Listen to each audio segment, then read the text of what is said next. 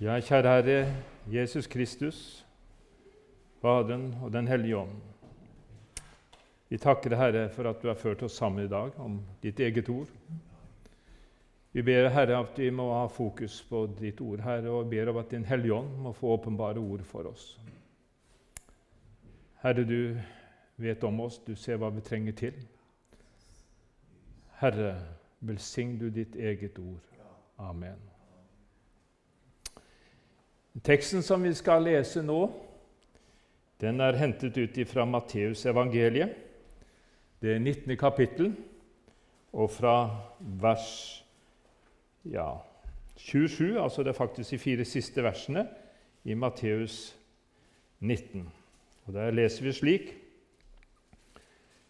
Da tok Peter til orde og sa til ham.: Se, vi har forlatt alt og fulgt deg.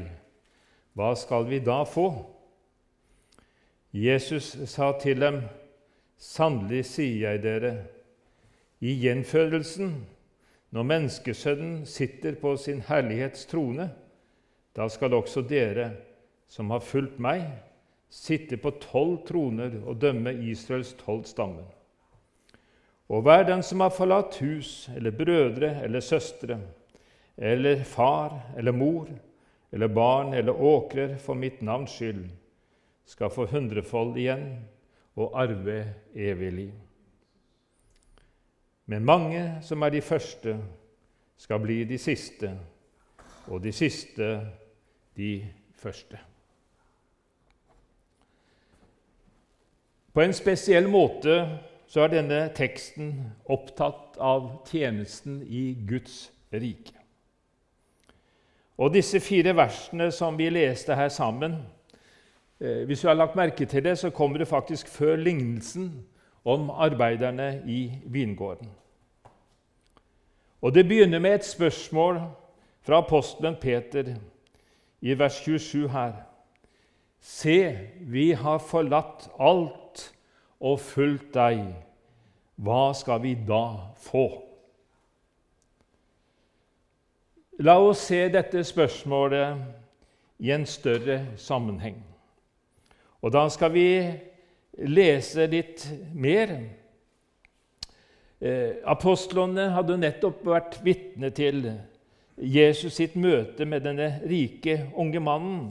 Og Det finner vi i samme kapitlet som vi leste fra, men vi skal lese fra vers 16 og utover. I Matteus 19, 16. Og se, det kom en til ham og sa, Mester, hva godt skal jeg gjøre for evig liv? Men han sa, Hvorfor spør du meg om det gode? Det er bare én som er god. Men vil du gå inn til livet, så hold budene. Han sa til ham, Hvilke bud? Disse, sa Jesus. Du skal ikke slå i hjel, du skal ikke drive hor, du skal ikke stjele, du skal ikke vitne falskt, du skal hedre din far og mor, og du skal elske din neste som deg selv. Den unge mannen sa til ham, Alt dette har jeg holdt, hva er det så jeg mangler? Jesus sa til ham, Vil du være fullkommen, da gå og selg det du eier, og gi til de fattige. Så skal du få en skatt i himmelen. Kom så og følg meg. Men den unge mannen hørte det, gikk han bedrøvet bort, for han hadde en stor rikdom. Jesus kommer også her videre, også inn med advarselen mot rikdommens fare. Og vi leser videre. Jesus tar til sine, til sine disipler.: Sannelig sier dere, det er vanskelig for en rik å komme inn i himlenes rike. Atter sier dere, det er lettere for en kamel å gå gjennom et nåløye enn for en rik å komme inn i himlenes rike. Da disiplene hørte det, ble de rent forferdet og sa:" Hvem kan da bli frelst? Men Jesus så på ham og sa til dem, For mennesker er dette umulig, men for Gud er alt mulig. Det står om denne rike, unge mannen. Han gikk bort fra Jesus på grunn av sin rikdom. Og på Jesu kall så hadde jo Peter selv og de andre apostlene forlatt sitt tidligere liv og fulgt Jesus. Og spørsmålet er da hva hadde Jesus å si til dem i denne situasjonen? Nå er det ikke slik at Peters spørsmål det må ikke forstås slik som om han i, kanskje i håndmodighet ville fremheve, fremheve eller skryte av sine og de andre apostlenes fantastiske prestasjoner. Hvorfor, kan vi gjerne spørre. Fordi Jesus han irettesetter ikke. Men istedenfor så både oppmuntrer og trøster Jesus Peter de andre apostlene. Altså, De var kan man si, de var forvirret, og, og så lurte de på om det å følge Jesus egentlig var verdt denne kostnaden. Og Når Jesus taler om disippellivet eller om kristenlivet, så har Jesus søkelys på dette med omkostningene ved å følge ham. Og det er da Jesus fortsetter med, med, med å si videre Men da må vi gå til Matteus 16, hvor Jesus forutsier sin død og oppstandelse. Fra Matteus 16, fra vers 24. Da sa Jesus til sine disipler.: Om noen vil komme etter meg, da må fornekte seg selv, ta sitt kors opp og følge meg. For den som vil berge sitt liv, skal miste det. Men den som mister sitt liv for min skyld, skal finne det. For hva gagner det et menneske om han vinner hele verden, men tar skade på sin sjel? Eller hva kan et menneske gi til vederlag for sin sjel? For menneskesønnen skal komme i sin fars herlighet med sine engler, og da skal han gi enhver igjen etter hans gjerning. Sannelig sier dere, noen av dem som her står, skal ikke smake døden før de ser menneskesønnen komme i sitt rike. Og I denne teksten så er det at Jesus han retter blikk mot disiplene, mot de store velsignelsene som følger ved å tilhøre Jesus og være i Jesus sitt følge. I vers 27 her i teksten vår vi har forlatt alt. Vi har forlatt alt. Det Jesus krevde av denne rike mannen, var nøyaktig det Peter og de andre apostlene allerede hadde gjort. La oss minne, Jesus, la oss minne hverandre om når Jesus kalte sine første disipler. I Matteus 4, 19 sier han, 'Følg meg, så vil jeg gjøre dere til menneskefiskere.' Og så står det påfølgende vers i vers 20.: Da forlot de straks sine garn og fulgte ham. Og i vers 22.: Og de forlot straks båten, sin far, og fulgte ham. Vi har forlatt alt og fulgt deg, vitner Peter. Forlatt alt. Ja. Var det helt sant? Ja, det var sant så langt på det tidspunktet. Han hadde forlatt hjem, han hadde forlatt sitt arbeid, altså de ytre ting. Men så sier Peter, som er avslørende hva skal da vi få? Ja, hva skal vi da få? Jesus han kom for å gi alt. Han gav sitt liv for oss. Og så spør Peter, 'Hva skal jeg få?' Peter han hadde ikke forlatt alt. Han hadde ikke forlatt sitt eget jeg. Og nettopp der står kamelen foran nåløyet. Tenk på det. Der står kamelen foran nåløyet. Du frelses, jeg frelses av Guds nåde i Jesus Kristus. Og så kommer spørsmålet er nåde bare kun et ord for meg? Eller er det selve redningen? Lignelsen om arbeideren i vingården som kommer her i Matteus 20, viser egentlig hva Guds nåde er. Guds nåde viser at den er ufortjent. De som kom, de fikk samme lønn, alle, enten de kom i begynnelsen av arbeidsdagen eller de gjerne kom den siste timen eller fem minutter før ufortjent. Og da er det naturlig at spørsmålet melder seg hva skal da vi få? Og Istedenfor å bebreide Peter for en holdning som kanskje virker ganske egoistisk, så forsikrer Jesus ham at de investeringer Peter og de andre apostlene hadde gjort, vil gi dem hundrefold igjen eller hundrefold tilbake, som vi møter her i vers 29 i teksten vår.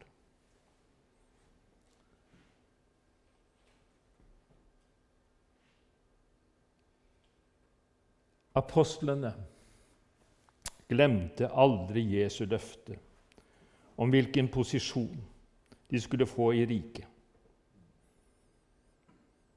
Og etter at Jesus ble tatt opp til himmelen, så har apostlene dette i tankene.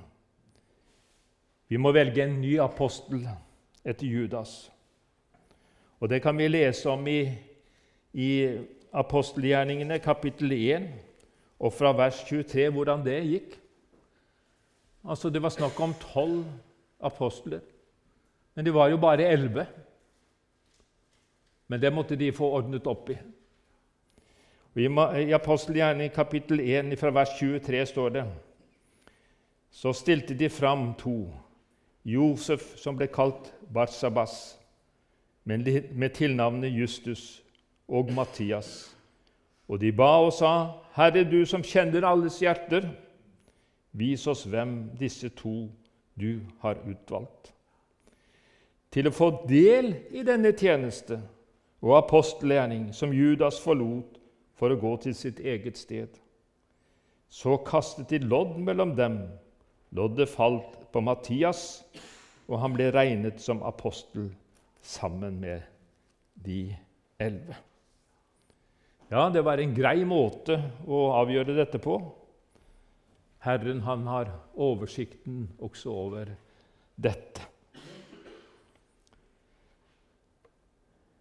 Jesus han gir sine løfter til apostlene i vers 28 her.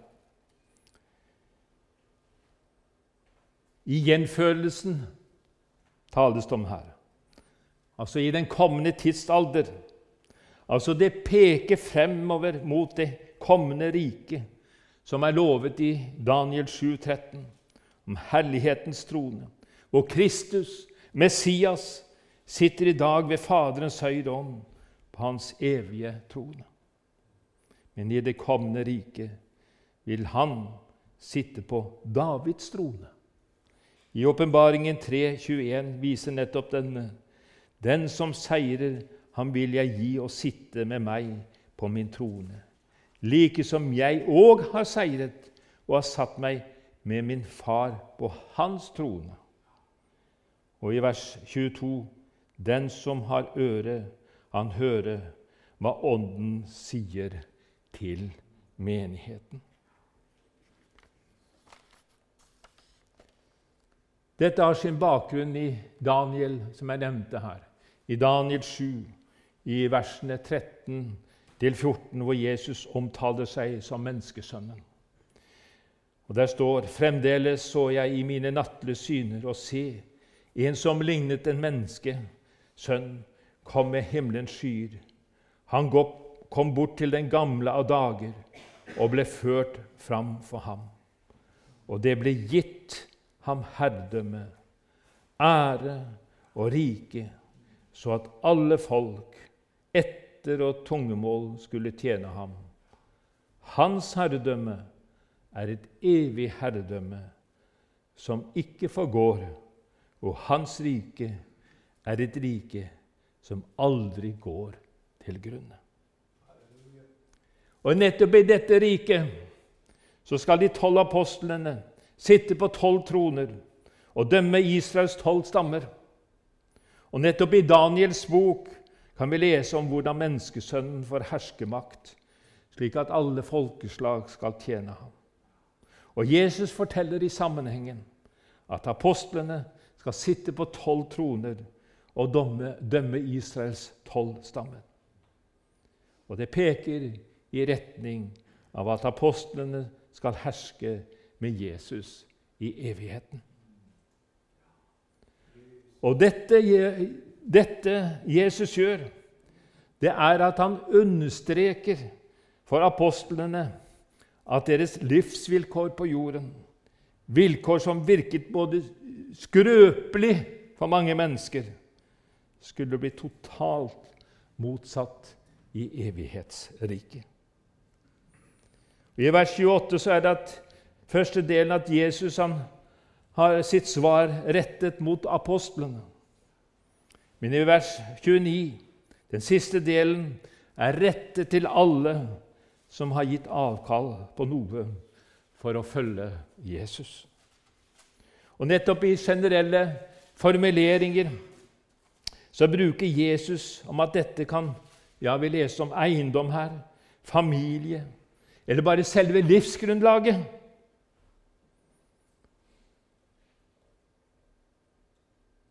Jesu ord, det er et trøsteord. Det er den som har forlatt alt dette for Jesu navns skyld, og ikke som et personlig valg. Det kan være det mennesket som vet med seg selv, ved å erklære Jesus Kristus som Herre. Ved at jeg gjør det, det vil medføre reaksjoner. Det vil medføre utfrysning. Det vil medføre hat. Det vil medføre forfølgelse fra familien. Og I den forbindelse jeg kan ikke komme utenom det, så må jeg nevne et arbeid blant konvertitter. Mennesker som kommer til kristen tro og bekjenner Jesus som Herre og Frelser i sitt liv.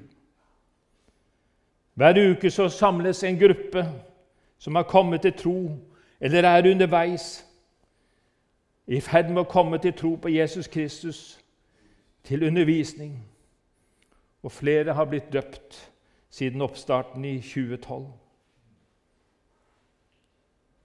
De fleste er iranere, men også afghanere.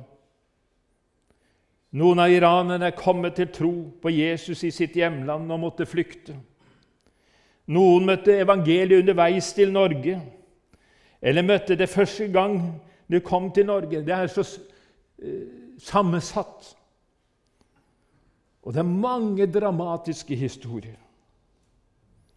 Og de vet hva utfrysning er. De vet hva hat er.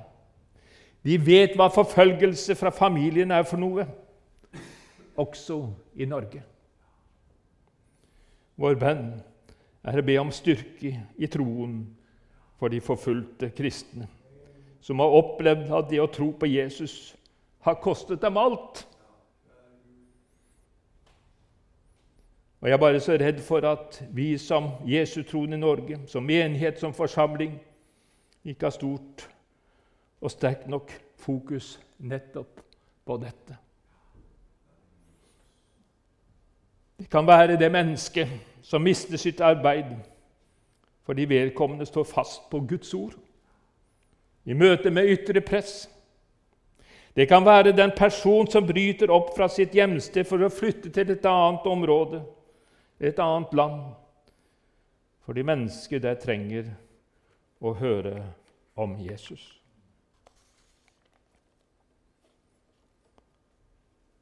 Her gir Jesus i sitt løfte om at det som mennesket må gi avkall på for hans navns skyld, det er som en, ja, skal vi si, som en dråpe i havet sammenlignet med det han gir Guds folk.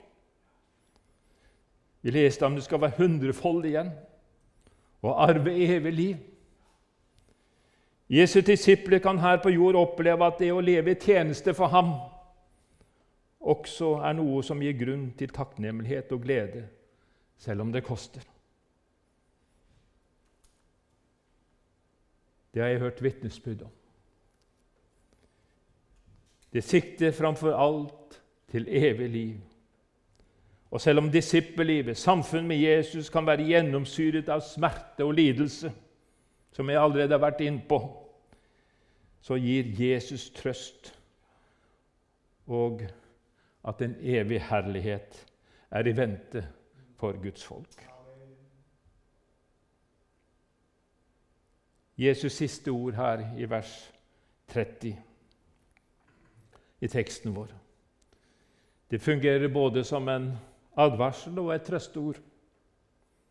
Og Her understrekes det i hovedsak skal vi si at den jordiske og den himmelske regnemåten er vidt forskjellig. Ja. Og etter vanlig folks regnemåte så så de den rike, unge mannen ja, så vellykket ut. Ja, men han gikk bedrøvet bort, stod det. Og i folks øyne så var han en vellykket ung mann, men ble ingen arving til Guds rike. Og apostlene så nok etter vanlige folks regnemåte ganske ynkelige ut. De hadde hele tiden, siden de kom sammen med Jesus, hatt et omreisende liv som gjentatte ganger var avhengig av Jesu overnaturlige inngrepen for at de skulle få mat. Men disse som har kommet til tro på Jesus og fulgt ham, skal få arve Guds rike, uansett hvor ynkelige de så ut rent ytre sett. Det er en rikdom å få tro på Jesus og tilhøre ham hvor Guds nåde gjelder, enten du kommer i begynnelsen, som jeg nevnte, av arbeidsdagen, eller slutten av arbeidsdagen. Guds nåde i Jesus Kristus er den samme.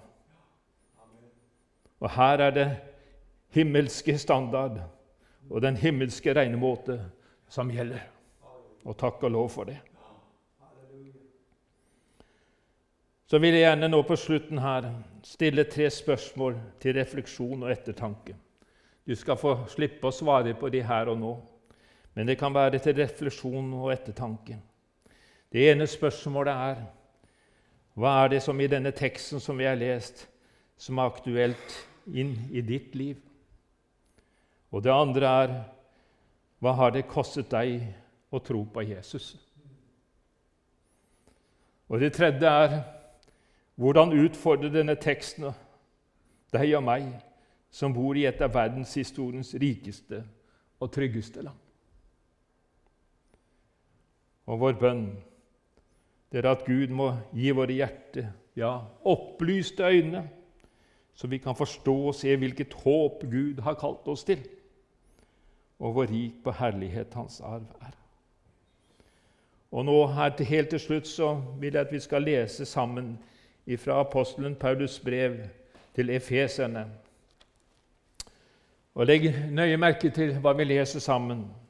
Efeserbrev, men Efeserne, kapittel 1. Du kan gjerne lese hele kapittelet, men jeg vil gjerne lese her avslutningsvis fra kapittel 17 og ut eh, kapittelet. Det er til Guds menighet i Efesus, dette. Og Der står det slik ifra vers 17.: Jeg ber om at vår Herre Jesu Kristi Gud, Herlighetens Far, må gi dere visdoms- og åpenbaringsånd til kunnskap om seg, og gi deres hjerter opplyste øyne, så dere kan forstå hvilket håp Han har kalt dere til. Hvor rik på herlighet Hans arv er blant de hellige og hvor overveldende stor hans makt er for oss som tror, etter virksomheten av hans veldige kraft. Og så kommer det videre her i vers 20. Det var denne han viste seg, viste på Kristus da han reiste ham opp fra de døde og satte ham ved sin høyre hånd i himmelen. Over all makt og myndighet Tenk på nå Daniels kapittel der vi leste litt sammen. Over all makt og myndighet, over alt velde og herredømme, og over hvert navn som nevnes, ikke bare i denne verden, men også i den kommende gjenfødelsens tid. Alt la han under hans føtter og gav ham som hode over alle ting til menigheten. Hør som er hans legeme, fyll av ham som fyller alt i alle. Amen.